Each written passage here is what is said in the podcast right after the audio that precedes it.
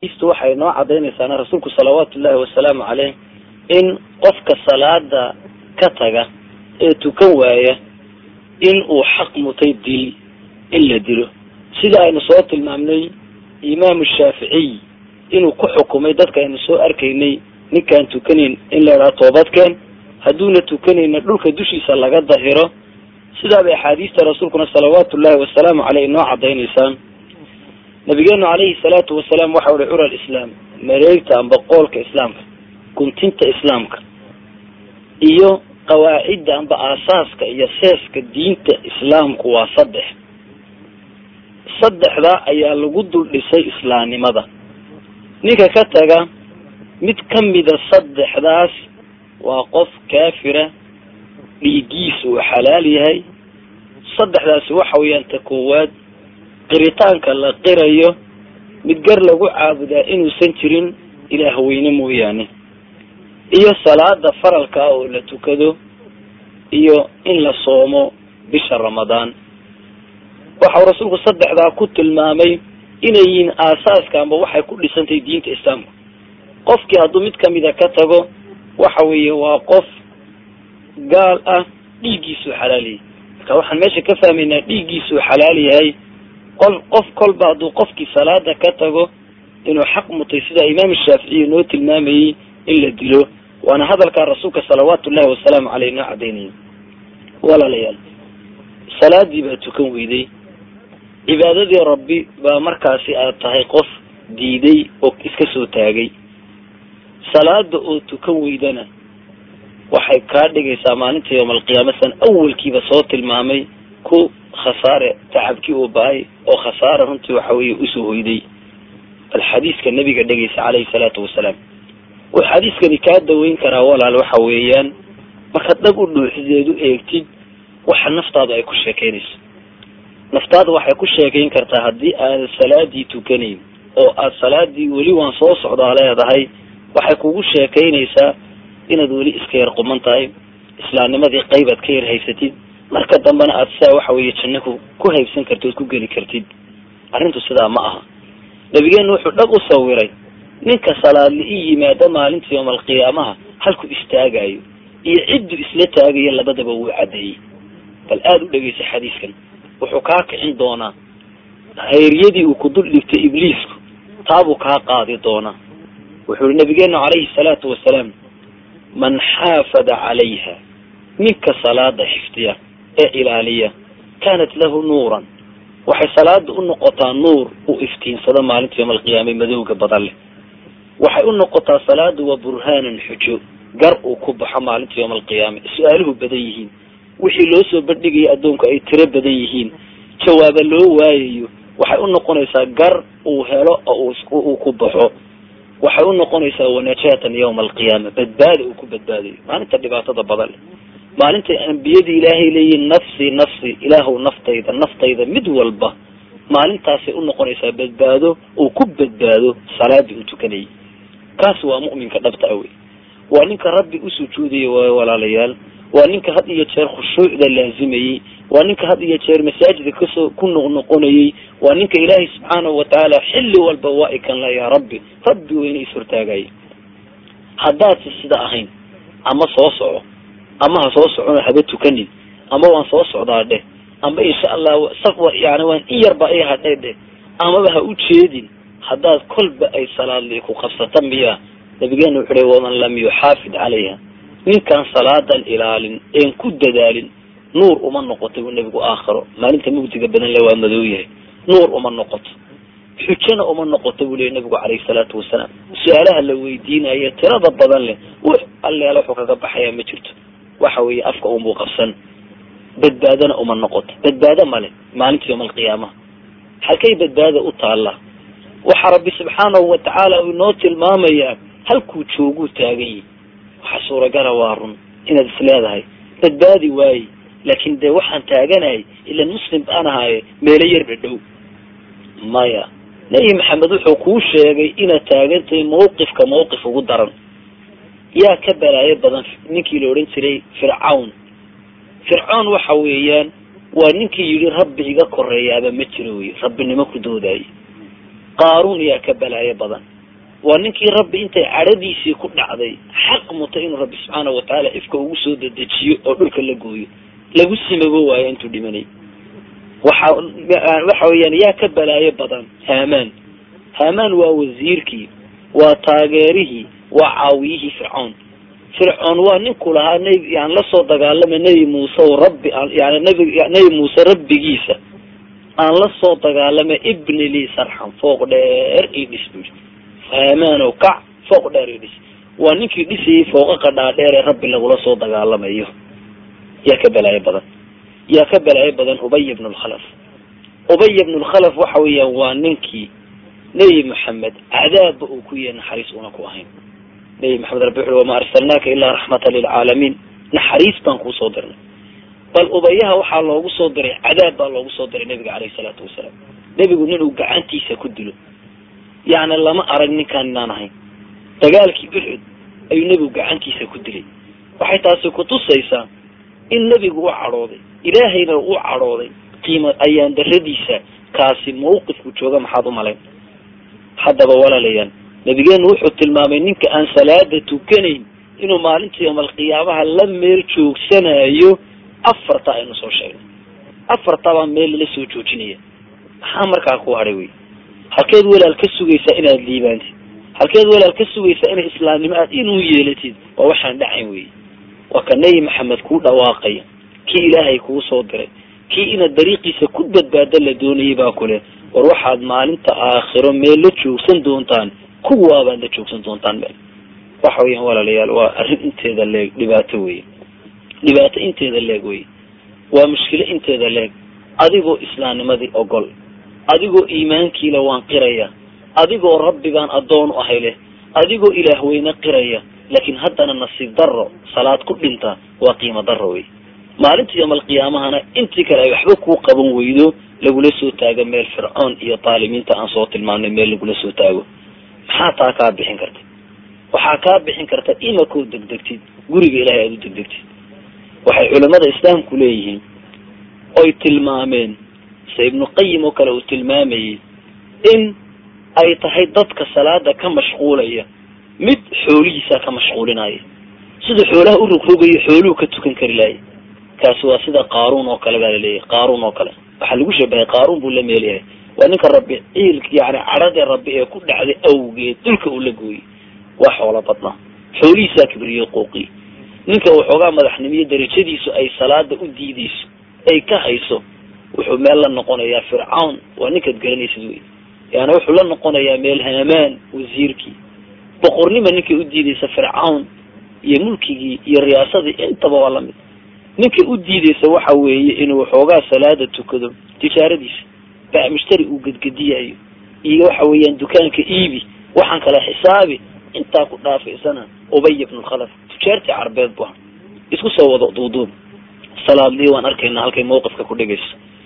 Walaalayaal ilaahay subxaanahu watacaala waxau inoo soo taswiir inooga soo qaaday. Sawir dhab ah wuxuu inooga soo qaaday ahlu naarka ahlu jannihii oo la hadlaya oo le maa salakakum fi saqar? Naartan dullaysada ah naartan lafihiini iyo yani waxa weeye haragiiniiba gubaysa ee burburinaysa ee dambas ka dhigaysa haddana aan ka tegayn naarta markaasi kulaylkan iyo dhibaatadan iyo qarmuunkan iyo adaygan leh maxaa idin geliya? Waan aragnaa inaad ku jirtaan maxaa idinku sabab ahaa? Maalintaa dhab baa wax loo garanaya. Waxaa len waxaa noogu sabab ahaa waxaana geliyey qaaluu lam naku min almusalliin. Waa shayga koowaad ay ka bilaabeen maanaan tukan jirin. Salaad baanaan ehelu ahayn rabbi baanaan adduunyadii isku aqoon. Guryaha rabbi baan lanagu kari jirin. Rabbi baanaan usujuudin sidaabay noqonaysaa arrinku. Dee walaalma waxaad sugaysaa markaas inaad noqotid maalinta yowma alqiyaame. Ka sidaa u khasaaraya. Ka hooggaa iyo burburkaasi u soo hoyanayaan makaa noloshiisu sidaa ay ku gebagabaysanaysa inaad noqoto ayaad sugaysaa. Walaalayaal intay goori goor tahay. Intaad wakti haysatid ka faa'iidey waktigaaga u degdego u carar ilaahay subxaanahu watacaala cibaadadiisa salaada u degdeg. Nabigeenu calayhi salaatu wasalaam xadiis kale waxa uu ku tilmaamay in ninka salaada tukan waaya oo xaq mutay inaan adduunyada lagu duldayn wuxuu rasuulku salawaatu llahi wasalaamu caleyh umirtu an uqaatila annaas. Waxaa lay amray inaan dadka la dagaalamo. Ilaa intay ka qirayaan mid gar lagu caabudaa inuusan jirin ilaah weyne mooye ay qirayaan nebi maxamed inuu rasuulka ilaahay uu soo dirtay yahay. Ergeygu ilaahay soo dirtay inuu yahay. Ilaa intay salaada oogayaan sakadana ay bixinayaan. Hadday saddexdaas sameeyaan nebigu wuxuu yihi way iga ilaaliyeen xoolahoodii iyo dhiigoodii islaamku wuxuu ku lahaa mooye. Xisaabitaankooduna aakhiro ilaahay subxaanahu watacaala ayay korkiisa hatoo xisaabaya maxaan fahmaynaa marka? Ifka inuu ku sii noolaada waa loo ogoliyey inuu sii dul joogo waa loo ogoliyey war haddaba haddii nebi maxamed uu joogi lahaa. Hadduu nebi maxamed caleyhi afdal salaatu waatamu tasliim uu kula joogi lahaa. Halkaad leedahay yaa xabiibullah yaa rasuul allah aada u ilmeynaysayd u oyeysa hadduu jacaylkaad sheeganaysaa dhabkaa yahay. Walaalayaal adiga adduunyadu kaa khaarajin laha haddaad taariku salaatoona tukani. Kuguma daayeen ifka. Adigu yaa xabiib baad leedahay kalgacayl ayaa marka mawliidka la akrinayo faraha gacmaha la dhacda markaasaad qiiro la daadataa. Laakin ya hadaanad kor tukanin wax qiimoodeeda ma jirto nebi maxamed agtiisa dameer yani dameeradaad ka qiimo liidata dameer baa tahay. Dameer baktiyi baa tahay markaas. Waxaydna anagu dameer baktiyi waxaan qiimo beeleen qiimo lahayn. Dameer baktiyi oo kalaa wax qiimoodeeda ma jirto. Bal nebi maxamed wuxuu leeyahy dila ayuu leeyahy dhiigooda waxaba iga ilaalinaya unbu leeyo islaamnimada u sugaya shahaadada salaada sakada. Waa laga waayey waa bas wey walaalayaal maanay nasiib darro ahayn. Adoo nebi maxamed qiyaamaha doonaya inuu kuu shafeeco qaado dhibaatada badan leh. Laakiin isaguna uu leeyahay kani wuxuu xaq mutay in ifka la dilaba inuu ku noolaadaanu xaq mudanba aakhirana maxaa markaad sugaysa walaalayaal. Salaada haddaad tukata khayr kaa marani ma jiro. Nabigeena calayhi salaatu wasalaam waxa caliya bna abi aalib buu u diray yeman yeman buu caliya bna abi aalib xoola ka soo diray. Dahab baa ka mid aha. Nebiga calayhi salaatu wasalaam baa la hor keenay waa la hor dhigay. Wuu qaybiyey rasuulku salawaatu ullahi wasalaamu caleyh nin dadkii joogay meesha ka mid a ee markaasi munaafiqiinta ahaa ayaa wuxuu iska jeclaysanayay inuu xoolaha wax ka helo. Nebigu inuu wax siiyo. Nebigi waa qadiyey waa qaybiyey xoolaha dadkii lahaa buu siiyey. Markaasaa munaafiqi wuxu uhi yaa rasuul allah ittaqi illah bu rasuulka ilah ilahay ka cabso. Nebigu calayhi salaatu wasalam wuxu war hoogaage miyaanan anigu ahayn dadka dhulka ku dul joogo oo dhanba ka ugu xaqnimo badan an yattaqi illah inuu ilaahay ka cabsoodo. Anu haddaan ilaahay ka cabsoon waayo oo alla ka cabsigii rabbi subxaanahu watacaala uu amray inaan dadka amro. Yaa kaloo ilahay ka cabsan doona. Saa buu ku yiri rasuulku salawaatu ullahi wasalaamu caleyh ninkii baa deeta jeestay. Markaasuu iska socday. Khaalid bin waliid oo ku jiray dadkii nebiga la joogay ayaa intuu seeftiisii lule bu yihi rasuulka ilaahayow alaa adrib cunuqa miyaanan munaafaqan qoorta ka soo goynayn bu rasuulka ilahay igu daa ninka qoortaan ka soo jara san u hadlaya. Munaafaqa wey kufri caloolada qaba markaa nebigu muxuu ugu jawaabay bal hadalka ugu jawaabay dhegeyso laa bu nebigu daamay laga jari maayo qoorta lacalahu an yakuna yusalli. Laga yaaba inuu nin tukada yahay. Maxaa badbaadshay markaas?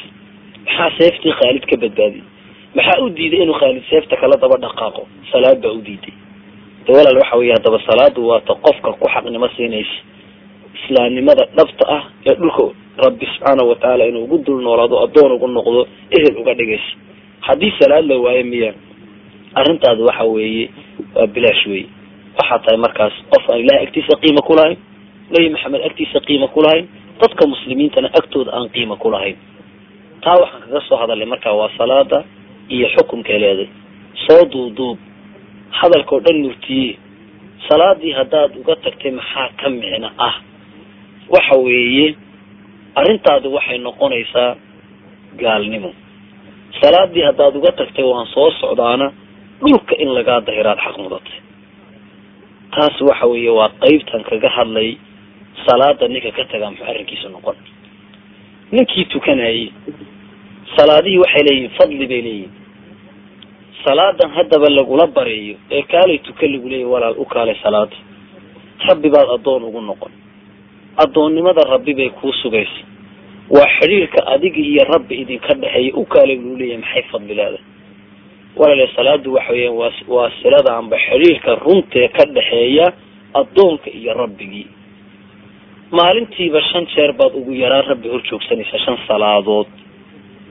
Khaaliqii ku abuuraad hor joogsanaysa isagoon turjumaan idiin dhexayn waxaad leedahay allahu akbar baad leedahay. Markaad salaada gelaysa ilaah baa weyn wax kasta oo dhan ka weyn labadaada gacmood baabacooyinkoodii waxaad qaabilinaysaa xaggaad ujeedeed u tukanaysa. Dhabarkoodiina waxaad ujeedisaiyo dhabarkaagiina xagga dambe. Waa micno cad ood bixinaysa. Waa takbiirat lixraam takbiirtii wax xarimaysay maxay xarimaysa waa takbiir leh oo ku dhawaaqaysoo leh adduunyoy dhabarkaan kuusii jeediy waxaan rabbi ahayn oo dhanuba farahaan kaa qaaday. Ilaah weynaan qaabila wey waa laftigaad ku hadlaysa wey takbiirat lixraam waa siaad ujeedeed u sii jeeda wey de markaad addoonku sidaa yidhahd ilah hor joogto waxaad leedahay alxamdu lilahi rabbi alcaalamiin ilaah baa mahadle caalamiinta oo dhan kii abuurtee lahaa. Markaad sidaa ku dhawaaqaysid ma u malaynaysaa ilaahay subxaana watacaala inuuna ku dhegaysanin? Ma u malaynaysaa ilaahay subxaana watacaala inuuna ku weydaarsanin hadalka? Bal rabbi subxaana watacaala malaa'igta ay ufaanay le malaa'igteedii xamadanii cabdi bal eegoo arka addoonkaygii baa imahadiyey markaad leedahay alraxmaan alraxiim markaad leedahay waxa mahadle allaha naxariista. Allaha naxariisiisa adduunyada gaal iyo muslimba ka dhargiya ku caam yeelay. Allaha aakhira mu'miniinta un ku koobay. Ilah wuxuu leeyahy bal dhegaysta malaa'igtaydii asnaa calaya cabdii waxay ammaanay addoonkaygii marka aada leedahay maaliki yawmi ddiin boqorkii maalinta yowma alqiyaame ayaa mahad leh rabbi subxaanahu watacaala wuxuu leeyahy dhegaysta malaa'igay oo arka majadanii cabdii waxa i weyneeyey waxa i sharfiyey addoonkaygi iyaaka nacbudu wa iyaaka nastaciin. Ilaahow adiga un baan ku caabudayna. Adiga un baanan ku kaalmo weydiisanayna markaad sidaa leedahay ilaah wuxuu leeyahy arrinta waa sidaa wey adiga inaad i caabuddo weeye aniguna inaan kuu kaalmayo weye iweydiiso waxaad doonaysaan ku siina ilaahow nagu hanuuni jidkaaga mustaqiimka ihdina siraada almustaqiim rabbow jidka toosan nagu hanuuni. Ilaahow ihag dariiqa toosan i tusi ilaahow iga dhig markaasi kuwii yani hanuunay dariiqii ay mareen eed ugu nicmaysay mid u helay ilaahow iga dhig. Iqabadsii ana nebi maxamed intii raacday ambiyadii dariiqoodii. Ilaahow ha iga dhigin mid lumay oo xaqa ka lumay. Ilaahow ha iga dhigin mid aad u cadhootay sidaa baad leedahay markaasaad leedahay aamin ilaahow iga aqbal. Rabbi wuxuu leeya waad heshaa addoonkaygi waxaad doonaysa. Walaalayaal miyaanay qiimo ahayn? Miyaanay sharaf ahayn? Miyaanay fadli salaadi ay yeelato ahayn? Ta fadligaale haddaba waa salaad wey de haddii aad doonaysa rabbi inaad isdhaafsataan rabbi inaad isdhaafsataan waxaayoo deeqa rabbi inaad isdhaafsataan ammaanta uu ku ammaanayo xuskaa uu ku xusaayo ilaah subxaanahu watacaala cibaadadiisa u faarig noqo rabbi qalbigaaga wax kastuu ku siin adduunyu kaa dhargi. Maalka doonaysaad ku heli wax kastaad ku heli. Ilaah baa ballan qaaday taas. Waxa waxaad isqudsi ku lahaa. Ilaahay subxaanahu watacaala yaa addoomahaygo yaa cabdi tafaraq licibaadatii u faarig noqo ugo cibaadadayda. Amla sadraka qina? Laabtaadaan qaninimo ka buuxi. Cibaadadayda ugo adigu bas salaada ugo ilaah u khushuuc ilaah u tuko ilaah addoon dhaba u noqo laabtaadaan ka buuxin doonaa qaninimo qani baan kaa dhigi doona wa asudda faqrak.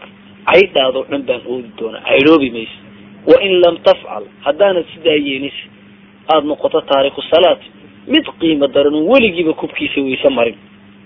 Meelaha haddaad noqotid doofaar iska joog jooga. Ood rabbi salaadiisa u iman weydo maxaad noqonaysa ilahi subxaanahu watacaala wuxuu kuleeyahy amla sadraka shuqulan. Laabtaadaan ka buuxin doonaa mashquulnimo. Shuushad baan kugu furi islaanta allan kaaga qayli ubadkaa kugu qayli meel kastaa lagaga qayli adduunya o dhan baa kugu qayli gebigaa waxaan kaa dhigi shuushad baan kugu furi buli rabbi. Waxa weyan walam asudda faqrak. Caydhaadana oodi maayo. Bal caydhaada labada indhood baa lagu soo siri waxaad noqon doontaa faqri cawlan. Ha basaarad unbaad noqon socota. Oo yani waxa weeyaan basaaradu ay dusha uga muuqato walaali waxa weeyaan fadliga waxaa leh. Cibaadada rabbood u gooda salaada ayaa leh. Ilaah weyne subxaanahu watacaala wuxuu qur'aankiisa kariimka ah ku lahaa waaqim asalaa ina asalaata tanhaa can ilfaxshaai walmunkar. Nebi maxamedow salaada oog addoon yahu salaada tuko. Salaadu waxay dadka ka reebtaa waxa xun qurunka ayay ka reebtaa. Ilaah weyne subxaanahu watacaala wuxuu ku amrayaa salaadu qiimahay leedahay buu ku amraya kutusaya tuko qiimaheedu waxa weeye xumaan oo dhan bay kaa reebi dadka ugu akhlaaq fiican baad noqon. Dadka ka ugu ammaano gud badan baad noqon. Dadka ka ugu ballan oofin badan baad noqon. Dadku kay jecel yihiin baad noqon. Dadku waxaad noqon doontaa ka wax allayaalo wixii dadka anfuco oo dhan laga helaad noqon. Ka dadka hadaayada iyo dhibaatada ka daystaad noqon. Walaala waxa weeye waa salaad wey nabigeena caleyhi salaatu wasalaam waxau ihi shan salaadood ayuu ilaah weyne idinku faral yeelay ninka shantaas salaadood weysada si fiican u soo weyse qaata. Salaada siduu waktigeeda tukadoo ilaaliya. Rukuucda u taam yeela. Khushuucda u taam yeela. Waxay u noqdaan ilaahay subxaana watacaala agtiisa nin ballan la galay. Ilaahay waxau la galay ninkaasi ballan an yakfir lahu ilahay inuu dembi dhaafo. Waxa ilaahay korkiisa ku tago ballan ugu qaadaya inuu dembi dhaafo. Xadiis kale nabigu wuxuu lahaa ninka sidaas sameeya ilahay wuxuu yihi adkaltuhu ljanna jannada ayaan gelin doonaa ballan buu ku qaadaa rabbi subxaana watacaala walaal waxa weyaan salaadii khushuuc laymo rukuucdeedii sideeda u oofi rukun walba halkeeda gidaarada ha eegin. Yaanu shaytaan salaadaada xadi wey daymo daymadu waa shaytaan oo salaadaada xadaya wey waxa weeyaan haddaan arrinta dib u eegno bal aynu eegna eeganagu ku jirna imanka salaadii taraawiix la idhaha baan tukanaa gaar ahaan waktiyada ramadaanta oo maantadan xajirada aan duubayna ay ramadaanta salaada taraawiix taraawiix marka la leeyahy ma taraawiixun baa mise salaad baa la socota? Salaad baa la socota. Taraawiix waa salaad wey salaadu siday ahayd in loo tukado wey salaadu waxay kaaga baahan tahay siduu nebigu inoo baray calayhi salaatu wasalaam. Nebigu ma odhan iska tukada jeesada un ma odhan. Salluu kamaa ra'aytumuuni usalli bui waa u tukada siaad i aragteen ana u tukanay. Nin baa nebiga agtiisa ku tukaday markaasuu qabqab qabqab buu ka siiyo xoogaabuu rukuucdii iyo sujuuddii iska wada dabageygeyey markaasuu nebigu ui irjic laaban fasalli tuko fa inaka lam tusalli. Waxaad tukatay male nebigu alayhi salaatu wasalaam. De bal ka waran haddaad intaad tukatid aada rukuucdii dhamaystiri weyd ila nebigu uu bara wuxu uhi istaag takbiir la imo faatixada akri waxa ilaahay kuu fudeediyo qur'aan akri markaasaa nebigu wuxu uhi rukuuc rukuucda ku xasil ka soo kac ka soo kaca ku xasil dib u sujuud sujuudda ku xasil fadhiiso fadhiga ku xasil nebigu wuxuuna amray salaadiibu sideedii inoo baray. Sidaa u tuka bu ihi maanta dabadeeda markuu ninkii si kaloon garanaya male de haddaad laakiin salaada intaan imika tukano aan sidaa ula iman weynoon u tukan weyno. Ilan fadligii baa meesha yaalloon ka qadaynaa haddii kale. Waxaan ka qadaynaa fadligii ahaa. Ilaahay wuxuu ballan ugu leeyahy ninkaasi ilahay u dembi dhaafo. Ilaahay wuxuu ballan ugu leeyahy inuu jannadiisa geliyo. Haddii aanu sidaas samayn buu nebigu yihi calayhi salaatu wasalaam waman lam yafcal falaysa lahu cala allahi cahd wax allayaala wax ilaahay ballan uu kuleeyahy ma jirto wey a ilaahay ballanaad kuleedahay ma jirto inuu janno ku geliye ah inuu ku ilaaliyo ah haddii aana tukan salaada tukanaysan inaad ilaaliso wey markaad dhawrtid salaadii markaynu tukanayno intayna tukanaysa aanu soo noqono haddii aad salaadii khushuucaad ku tukatid khushuucdan awalkii soo tilmaamnay aada la timaadid maxaan ku dhahdaa rukunadeedii oo dhamaystirtid salaadii oo nuuri intay kaa baxdo ayay tidhaahdaa xafidaka allahu kamaa xafidtani. Ilaah ha ku ilaaliyo sidaan aniguba ku ilaaliyey adii ilaalisay adii dhowrta ilaahay ha ku ilaaliyo ilaah ha ku ilaaliyo sidii aadii ilaalisay haddaad salaadii laakiin aad tukatid. Adoo rukunkii u buuxin adigoo ku ciyaarayoon khushuucu la iman salaadii iyadoo madow intay kaa baxdo wejiga lagaaga dhufto ayay ku tiraa dayacaka allahu kamaa dayactani allah kuugu ciyaaro ha kuugu dheeldheelo saad igu dheeldheesheed igu ciyaartay. Walaalayaal salaada waxay u baahantay inaan khushuucdeedii rukunkeedii intaba aan ilaalino. Aan u socdo fadligay salaadu leedahay walaalayaal fadliga ay salaadu leedahay waxaa ka mid ah. Nabigeenu waxau ihi bal waxaad iiga warantaan hadduu mid idinka idinka mida waadi biyo ay aqalkiisa hormarayaan dix biyo oo rogmanaysa ay marayso.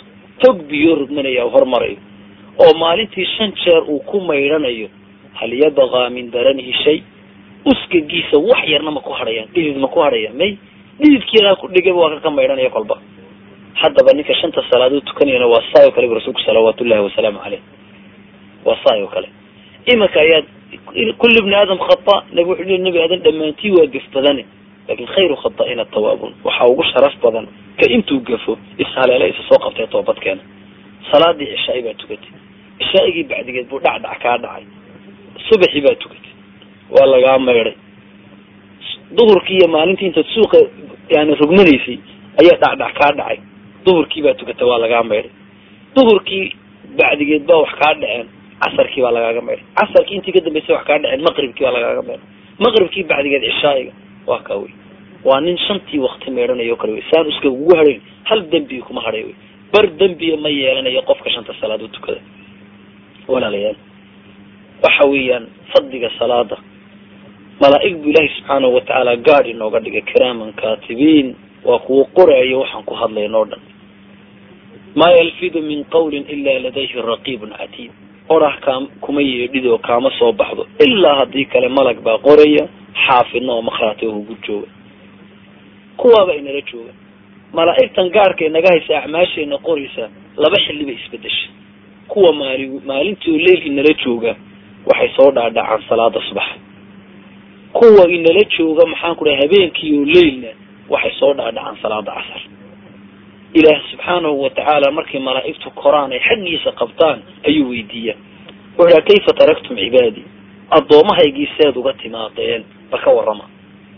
Waxay dhahdaan markaa malaa'igta haddaada nin tukan yahay taraknaahum wahum yusalluun wa aataynaahum wahum yusalluun. Ilaahow iyagoo tukanayana waanu ka nimid iyagoo tukanayana waanu u tagnay mara ilahi subxaana watala wuxu makhraati ka ahaada waan u dembi dhaafay addoommahaygaas. Walaaleed sharaftaa waxaa leh salaadoo tukata ayaa leh. Salaada unbaa sarafka iyo qiimaha ku heli karaysa. Walaalayaal fadliga salaadu aad buu u badanyay waxaan koobi karaynaa ma aha. Aan isku daynase markaasi inaan soo ururino. Hale hadalka waxa ugu qiimo badan inta yar ee murtile ee wax laga lagaga faa'iidaysto. Nabigeenu calayhi salaatu wasalaam waxa uu yidhi calayka bikasrati sujuud. Isaga oo sawbaan dardaarmaya waa inaad laasimtood basatid sujuudda fa innaka laa tasjud lilahi sajda ilaahay uma sujuudaysid sujuud ilaa haddii kale waxaad ku helaysaa arrimahan.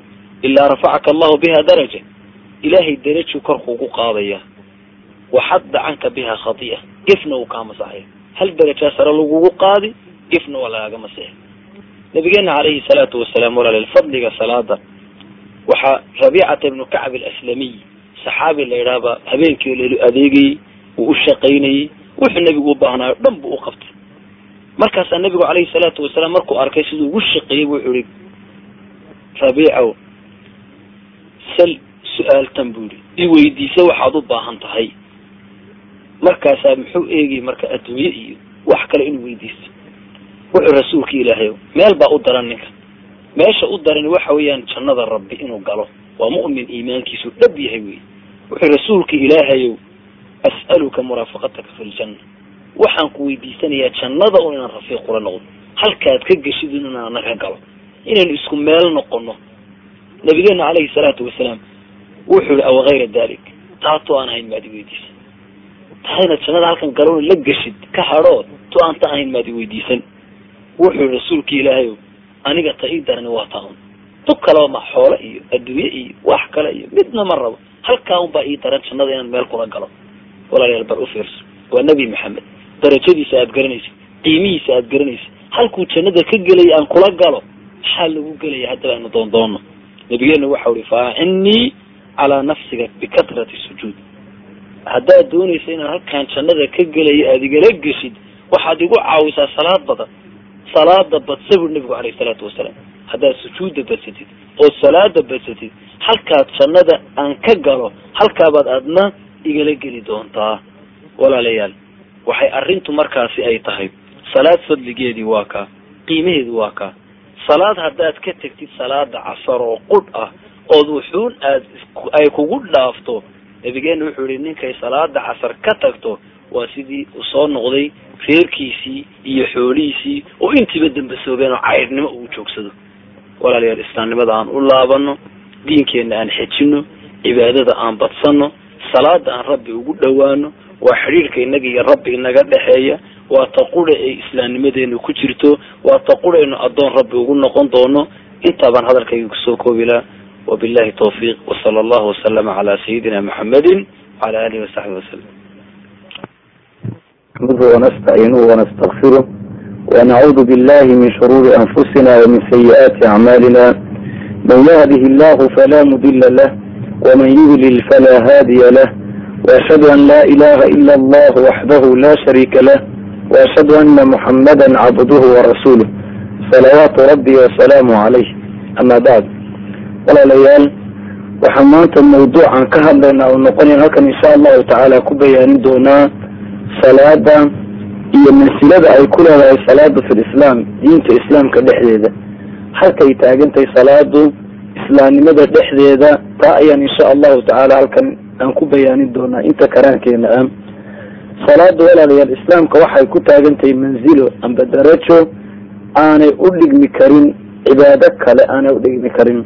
Darajo ka weyn darajooyinka ay cibaadooyinka kale oo dhan leeyihiin ayay islaamnimada dhexdeeda salaada ku leedahay.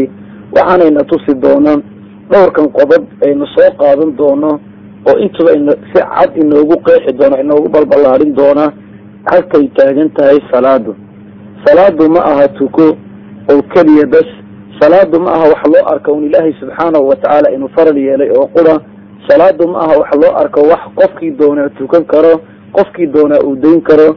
Salaadu ma aha runtii waxa weeye wax inta la iska soo dhaxlo. Intuu masaajidka qofku iska taga ayaamo jumcaha uu tukado inta kaleo dhan uu ka tago yani ciidaha uu tukado inta kaleo dhan uu ka tago bisha ramadaanun uu tukado inta kaleo dhan uu ka tago laakiin salaadu arrintaa way ka weynaansho badantay. Arrintaa way ka culays badantay.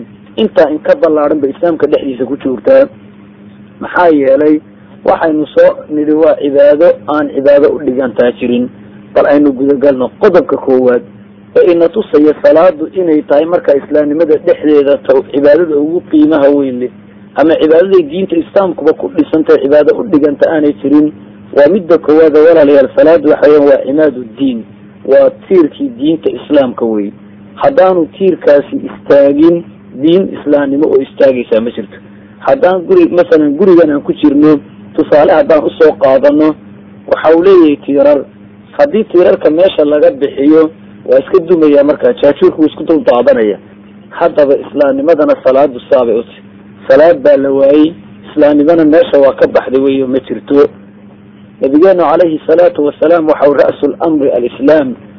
Arrinkanaan la imid.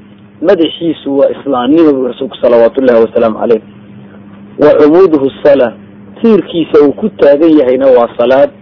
Wa dirwatu sinaamihi jihaadun fi sabiili illah kuruskiisa sare ama baarka u sareeya figta ugu koraysaana waxa weeyaan waa jihaadu fi sabiili illah marka halkaa waxaynu ka arkaynaa aw nebigu inoo tilmaamaya inay tahay tiirka diinta islaamku salaada. Marka haddii tiirkii la waayo islaamnimona waa la waayo wey ta labaad rasuulkeenu calayhi salaatu wasalaam markuu cibaadada tilmaamayey salaada ah waxau inoo tilmaamay shaygii koowaad ee ilaahay uu ku waajibiyo addoomihiisu inay salaada ahayd. Bal maaha uun shaygii koowaadu rabbi subxaanahu watacaala ku waajibiyo addoomuhu salaad laakiin intaa waxaa la sii jirta cibaado kasta amba waajib kasta oo rabbi subxaanahu watacaala uu waajibinayo waxa uu soo dhiibay malaku jibriil. Nebi maxamed oo dhulka joogada gaadhsi baa layidhi soomkii malaku jibriil baa loo soo dhiibay xajkii malaku jibriil baa loo soo dhiibay sakadii malaku jibriil baa loo soo dhiibay waxa awaamir ee ilaahay ina amrayo iyo wuxuu ina farayo wuxuu inaga reebayo. Intaba malaku jibriil baa loo soo dhiibay laakiin markaynu marayna cibaadada salaada ilaahay subxaanahu watacaala qaalinimada ay leedahay awgeed nabigiisa maxameda calayhi salaatu wasalaam buu rabbi casuumad u fidiyey casuumadii buu ku qaaday wuxuu ka qaaday masjidulxaraamka wuxuu geeyey baytulquds wuu ka qaaday isla habeenkii wuxuu fuushiyey samaawaadka. Nabigeena calayhi salaatu wasalaam isagoo fawqa sabca samaawaat toddobada samo dushooda isagoo jooga ayuu rabbi subxaanahu watacaala halkaa ugu dhiibay salaadii habeenkii israa wal micraajka ayaa salaadii nebiga lagu waajibiyey. Weliba rabbi subxaanahu watacaala isaga ayaa kula hadlay oo nebi maxamedow hoos shantan salaadood ee kontonka salaadoodna ajarka ah. Taasaan ku faral yeelay addoomahaygee gaarsii runtii waa nicmo. Ay markaasi waxa weeye fadli iyo sharaf ay la gaar tahay weye salaadu salaada caynkaas ee rabbi subxaanahu watacaala isagu u doortay nebi maxamed inuu gaadhsiiyo ee rabbi subxaanahu watacaala uu nabiga ku tashriifiyey ilaa ilaa samaawaadka uu geeyo janniyo naaruu soo tuso yani uu soo tuso aayaad waaweyn. Salaadu halkaa rabbi subxaanahu watacaala uga soo dhiibay. Ma u malaynaysaa walaalayaal markaas inay tahay mid yar oo fudud oo loo qaadan karo wax yar oo sahlan. Waa maya wey. Salaada waxayna tusin karaysaa muhimada ay islaamka ku leeday halka islaamnimada ka taagan tahay ta maalinta yawma alqiyaame maalinta dhibaatada badan leh mashaqada badan leh khalqigoo dhan ay hoganayaan ee rabbi subxaanahu watacaala ay hor joogaan. Maalinta nin walba uu tamaneeyo mar uun inuu meeshan ka baxo uu og yahayna ka maalintaa ku guul daraystaa inuu yahay mid jahanamo ku dhaadhacay. Maalintaa shayga koowaad ee kafada layskugu qaaday marka la miisaamaya acmaasha waa salaada wey salaada haddii uu addoonku ku guulaysto inta kaleo dhanna waa ku guulaysanaya. Salaada hadduu ku dhaca inta kale uu ku dhacaya masalan macalin ba arday arday baad ahayd macalin baa wax kuu dhigay. Macalinka hadduu ku yidhaahdo haddii aad shaygan la yidhahdo xisaabta un ku guulaysatid waxa kaloo dhani waa bilaash wey ood ka dallacaysa. Haddaad ku dhacdid xisaabta inta kalena halkaa kama kacaysid. Waxaad arkaysaa muhimada koowaad inay tahay sala markaasi xisaabta inay tahay. Si aad u dallacdid oonad u dhicin. Ala wixii kaleo dhan iyadun bay raacayaan oo halkay martun bay marayaan. Haddaba islaamnimadana salaadu saabay ku tahay. Nabigeenu calayhi salaatu wasalaam wuxuu leeyihi awalu maa yuxaasabu caleyhi alcabdu yawma alqiyaama asala shayga koowaad ee addoonka maalinta yawma alqiyaamaha laga xisaabi waa salaada weeye. Fain salaxat salaxa saa'iru camali. Haddii ay salaada uu ku guulaysto oo uu ka soo baxo wixii kaleo dhanna uu ku guulaysanaya bu rasuulku salawaatu ullahi wasalaamu caleyh wain fasadat fasada saa'iru camali fasada saa'iru camali. Haddii uu salaada ku dhacona inta kaleo dhanna wuu ku dhacaya. Hadday salaada kharibanto inta kaleo dhanna way kharimaysaa bu rasuulku salawaatu ullahi wasalaamu caleyh taa waxaan ka fahmayna de haddii ay tahay walaalayaal tiirkii diinta islaamka. Haddii ay tahay salaada walaalayaal waxa weeye shaygii koowaad ee cibaadaha rabbi uu waajibiyey. Weliba isagu uu waajibinteeda rabbi subxaanahu watacaala uu nebi maxamed gaadhsiiyey haddii ay tahay salaadu maalinta qiyaameed dhibaatada badan le shayga qura lagu baxayo miisaankiiyo kafadana awalkaba la isku saarayo. De walaalayaal maxaad sugaysa neefkii soomanaa ee salaadli ku soomanaa waa inuu dib isku eego wey ila nebigu wuxuu ley marka maalinta aakhire kafada la saaro salaadii haddaad ku guulaysatid inta kalena waad ku guulaysanaysa laakiin maxaad u malayd soomkii halkuu maraya markaa. Soomkii wuxuu daba socdaa salaadii buu daba socdaa. Marka waxaan halkaa ka fahanay salaad li-in inay islaam islaam li-i tahay. Diin inaanay meesha ku oolin diintii baad baabi'isay addoonkii aad rabbi adoon addoonka u ahayd baad meesha ka saartay. Intubana salaada un bay ku dhagoobaysaa wey walaale nabigeenu isagoo tilmaamaya martabada ay salaadu leedahay qodobka afraad. Waxa uu inoo waxa marka ayna tusaya waxa weeyaan salaadu waa shaygii u dambeeyey ee nebigu ku dardaarmo. Oday markuu reerkiisa ka baxayu dhimanayo waxa ugu qiimaha badan leh agtiisa waxa ugu adayga badan leh wuxu uu cabsoonayo ee reerku ay ku baaba'ayaan inay ku baaba'aan uga cabsoonayo ayuu ku sii dardaarmaa. Markuu dhoofayo meel qabanayo ama meel u baxayo. Haddaba nebi maxamed caleyhi salaatu wasalaam markii uu inaga dhex baxayey markii rabbi xaggiisa u doortay shaygii uu inoo doortay inuu inagu dardaaro. Balkii ugu dambeeyey ee nebigu isaga naftu ka gurmayso oo inagu sii dardaaraya waxay ahayd in yidhaahdo asala asala waar salaada xejiya waar salaada xejiya sidaa isaga oo leh iyo wamaa malakat aymaanukum. Isagoo rasuulku saa u dhawaaqayo u qaylinayo war salaada xejiya war salaada xejiya dadka gacmihiina ku jireed haysaana u naxariista isagoo sidaa leh ayaa nebigu calayhi salaatu wasalaam naftu ay ka baxday. Maxaad u malayn markaa walaal? Nebi maxamed uu diiday inuu inaga tago yani ilaa uu nagu sii adkayo salaada bal waxay gaadhay heer uu inagu dardaariyo ilaa intay naftu ka baxaysa. Martabadaa waxaa leh salaada ayaa islaamnimada ku leh. Qiimaha salaada ayayna tusaysa tan kale walaalayaal waxa weeyaan salaadu ahmiyadeedana ina tusaysa inay tahay shayga u dambeeyey ee diinta la waayi doono. Diinta nebigu wuxuu sheegay calayhi salaatu wasalaam in xabad xabad loo waayi doono. Qiimi yani diintu dhulka ka bixi doonto xabad xabad ay uga bixi. Shayga u dambeeye la waayi doonaase waa salaada buu nebigu calayhi salaatu wasalaam. Halkaa waxaan ka fahmaynaa fain taaca taaca diinu kullu hadday salaadi meesha ka baxdo diin oo dhanna meesha way ka baxday markaas. Saasaan ka fahmayna hay rasuulku salawaatu llahi wasalaamu aleyh wuxuu leeyihi xadiiskan soo socda tanqudina cura lislaam waxaa furfurmi doonta qoolka amba mareegta amba guntimaha islaamka. Guntimaha islaamka ayaa guntin guntin u furmi doona. Kolkay guntini furmataba ee xabad laga tagaba ta kaley dadku ku ururi doonaan. Markaa nebigu wuxuu yihi fa awaluhuna naqdan. Guntinta u horeysa ka u horreeya dhulka laga waayi waa xukumkii rasuulku salawaatu llahi wasalaamu caleyh. Qur'aankoo lagu dhaqmo diinta wax lagu kala wado kitaabku siduu yani uxukumayo lagu xukumo taayoo laga tago taaba ugu horreysay nabigu caleyhi salaatu wasalaam. Ta ugu dambaysa wa aakhiruhuna asala shayga u dambeeya diinta faraha laga qaadina waa salaada wey kolka salaad faraha laga qaado waa diin la'aan wey dib u soo noqona haddaba. Bal kuwii gidaarada fadhiyey ee salaadliida ku fadhiyey ee islaamnimada sheeganayay kol hadduu shaygii u dambeeyeyba uu salaad yahay oy salaadiina ka dhaqaaqeen islaamnimada halkay u taallaa marka. Islaamnimada halkee ay joogtaa wuxuu maqlayaa isagoo dhawaaqaya mu'adinkii ee allahu akbar allahu akbar ilaah baa weyn wax kastaba ka weyn ilaah baa weyn wax kastaba ka weyn.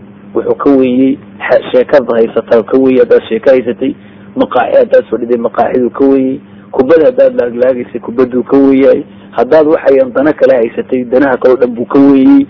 De qofku markuu meesha iska sii kuududo isagoo ilaahay baa wax walba ka weyne u kaalay xaya cala sala salaada u kaalay liibaanta u kaalay le iska sii fadhiyo waxay ka dhigantay inuu leeyahay dhab ahaan qalbigiisa u leeyahay me wax intaaba ka weyn baan hayaa sheekadaa ka weyn fadhigaa ka weyn yani ciyaartaa ka weyn sidaa inuu uhadlayo marka walaalayaal salaad haddii la waayo waxay ka dhigantay diintii wax allayaalo wax hadhay jirto halkaa waxaan ka fahmi karaynaa ahmiyadda ay salaadu leedahay hadda aan dib u soo celiya markaas si ay caquusheena ugu hadho waxyaalaha na tusi kara qiimahay leedahay salaadu. Waa tiirkii diinta islaamka. Waa shaygii koowaad ee cibaado laynagu waajibiyo. Waa shayga koowaad ee maalinta yoomalqiyaamaha la inaga xisaabi doone layna weydiin. Waa dardaarankii u dambeeyey nebigu inagaga tegey. Waa shaygii u dambeeyey rasuulku yii diinta hadiyada la waayo diinba waa la waayaya wey walaal intaasi miyaana ina tusinayn halka ay salaadu islaamnimada ka fadhido wayna tusinaysaa inay ka fadhido meel cibaado u dhiganta aanay jirin. Rabbi subxaanahu watacaala qur'aankiisa haddaan se dib ugu noqono qur'aanka ninka akriya ee aada u eegeegaan wuxuu arkayaa salaadii oo kolba cibaado weyn lagu xidhiidhiyey salaadii oo cibaadooyinkii oo dhan ba wadata oo cibaadooyinkii oo dhan ba salaadaba socdaan. Waxaad arkaysaa mar qur'aankii oo inta salaadii la sheegay lagu xigsiinayey dikrigii ilaahay xuskiisa lagu xigsiinayey waaba sidii salaadu ay tahay meeshii qurahaydee dikriga laga helayey amba rabbi xuskiisa. Rabbi subxaanahu watacaala waxa uu markaa lahaa ilahi subxana wataala wa aqim isalaata lidikri waa salaada ooga xuskayga awgeedu ooga. Marka waa maxay? Ninka doonaya inuu aniga ay xusub i weyneeye buu rabbi leeyihi salaada ha oogo ha u dhaqaaqo. Bal waxaad arkaysaa salaadii oo sakadii lagu daba xiray oo rabbi subxaana wataala muxuu leeya waaqiimu salaata wa aatu saka salaada ooga sakadana bixiya buu leya rabbi subxaana watacaala marka waxaad arkaysaa ninka muslimkee salaadan qiimeynaya inuu yahay ka sakada oogaya waa lagugu daba xiraya. Waxaad arkaysaa salaadii oo lagugu daba xiraya sabir adkaysi. Markaasaa rabbi subxaana watacaala wuxuu leeyahy wastaciinuu bisabri wasala war markay umuurtu idinku adkaato markay dhibaatooyinku idin qabsadaan markay mashaakisha adduunyadu idinka xoog roonaato eed nafihiina u yaabtaan waxaad u caymadaan adkaysi aada adkaysataan.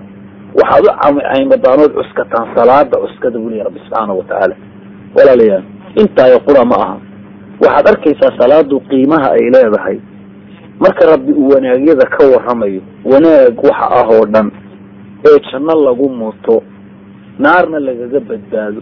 Rabbi waxaad arkaysaa inuu qur'aankiisa salaad ku bilaabayo salaadna ku dhamaynayo waxay kutusaysaa taasi qiimeynta sharafta. Halkay taagantahay salaada salaad baa lagu bilaabay wixii wanaag ahaa ee janno lagu mudanayey salaadna waa lagu dhameeyey waaba sidoo laleeya war arrinta dhammaanteed waa salaad un haddii salaad lagaa helo ood addoon rabbi aada oqoteed ogolaatid waa bas weye liibaan kaa maqani ma jirto. Bal aan soo qaadano rabbi subxaana watacaala suuradda la idhaha suuratu yani macaarij sa'la saa'il wuxuu ku bilaabay dadka wan wanaagsan markuu ka waramayay een bukhayliinta ahayn een yani xoolaha ku dheganayn ee aakhiriya adduunyada liibaani markuu tilmaamayo kuwa salaadna daa'imiya salaadna xiftiya qad aflaxa almu'minuun suurat lmu'minuun rabbi subxaana watacaala wuxuu ku bilaabay markuu mu'miniinta jannatulfirdowsa firdowsa waa jannada ugu qiimo badan wey waa jannada webiyada jannadu ay ka soo burqada waa yani waxayan jannada webiyada jannadu ay ka soo burqadaan webigu meeshu soo mariya halu ka soo burqado halu ka soo burqadaa qiimo badan. Jannatulfirdows halu ka soo burqanayaba webiyada jannada ay ka soo burqanayeen. Waa jannooyinka ta ugu qiimo badan. Waatuu nebigula haddaad ilaahay wax weydiisanaysaan ilahay waxba lama culisa jannatulfirdowsa ka barya oo weydiista. Haddaba walaalayaal rabbi wuxuu ku bilaabay kuwa jannatulfirdowsadaa mudanaya.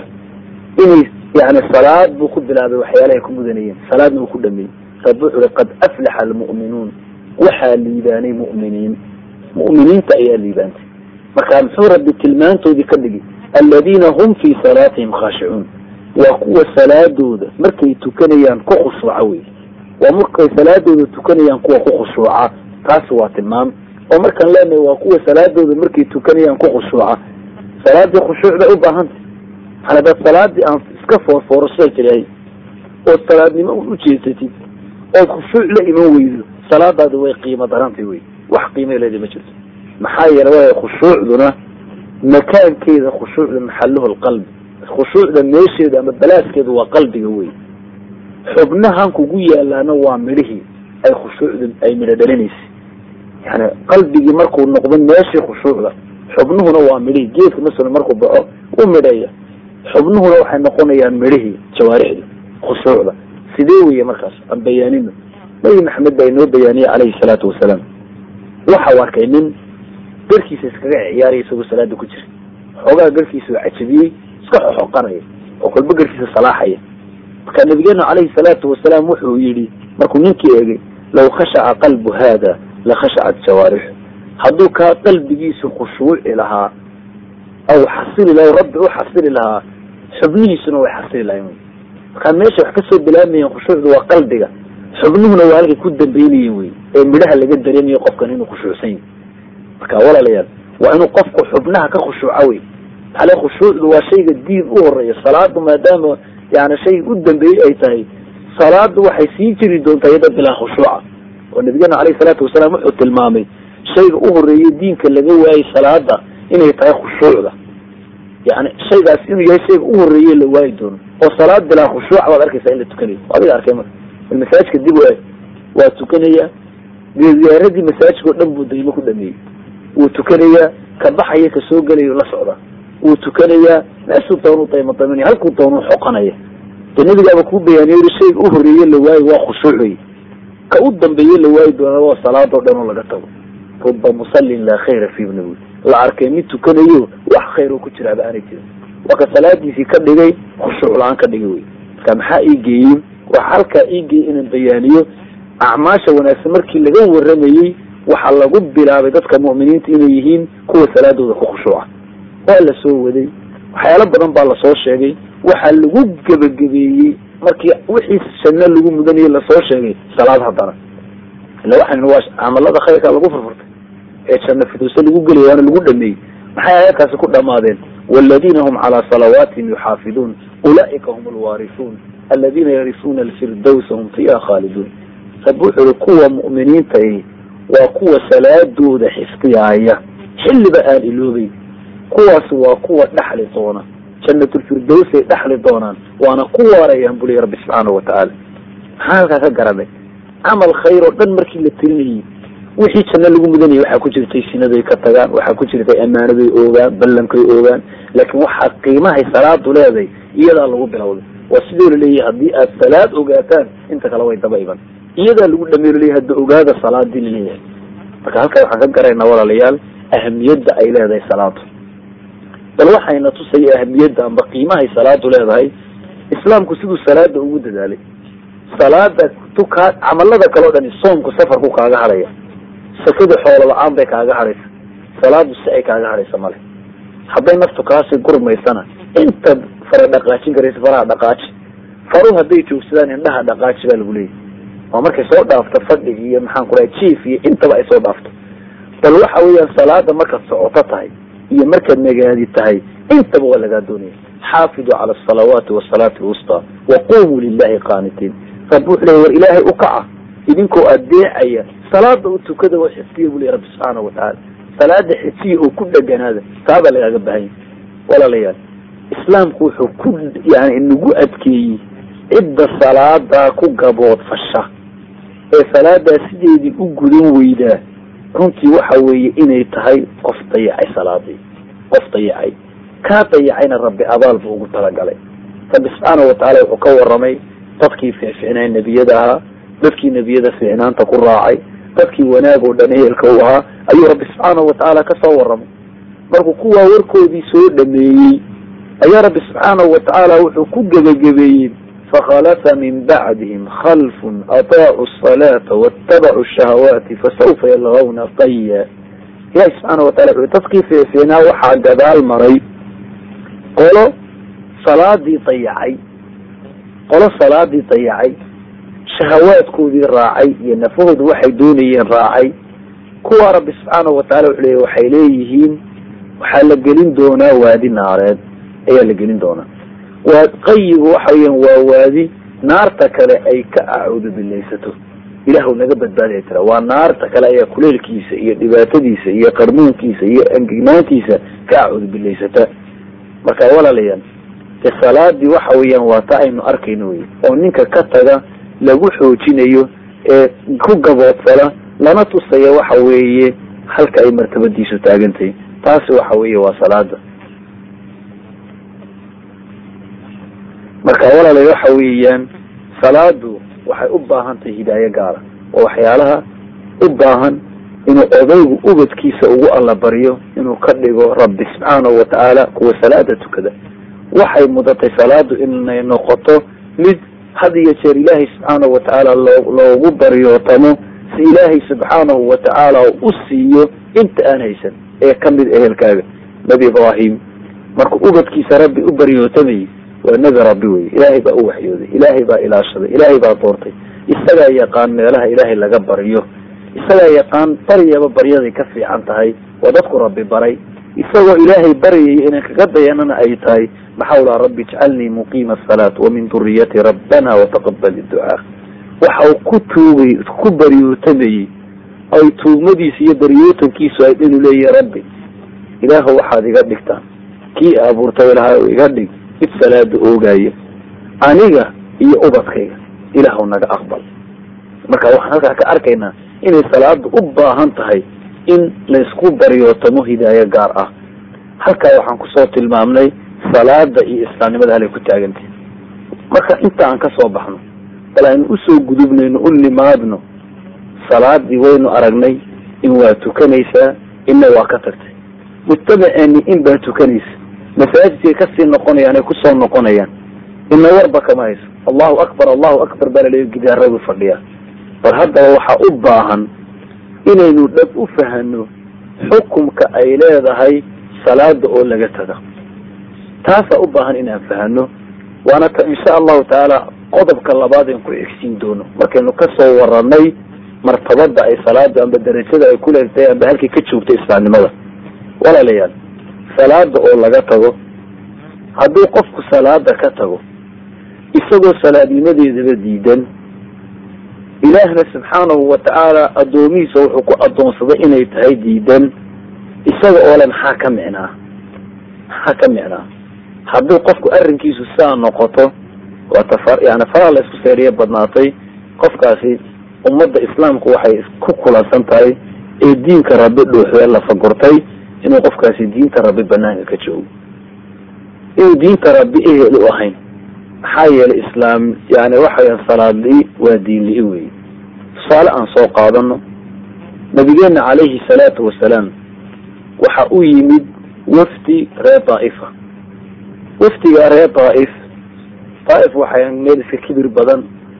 Meel quraystii aynu maqale la dharartanta bay ahayd waxaa kaaga filan kibirkoodi iyo qooqoodii halka isla joogeen inay gaaraan heer ay yidhahdaan markii qur'aanka nebiga lagu soo dejiyey maxaa agoonkan lagala soo doonay? Maa mid nin weyn oo reer daa'ifa ama mid weyn oo reer makaa lagu soo dejiyo. Ragga halkaa joogay ahaayeen isla jooga. Markii ay doonayeen inay islaamaan wafdi bay soo dirteen nebiga ayuu wafdigii u yimid. Markaa nebiga waxa nebi alla kugu ogolay wax kasta.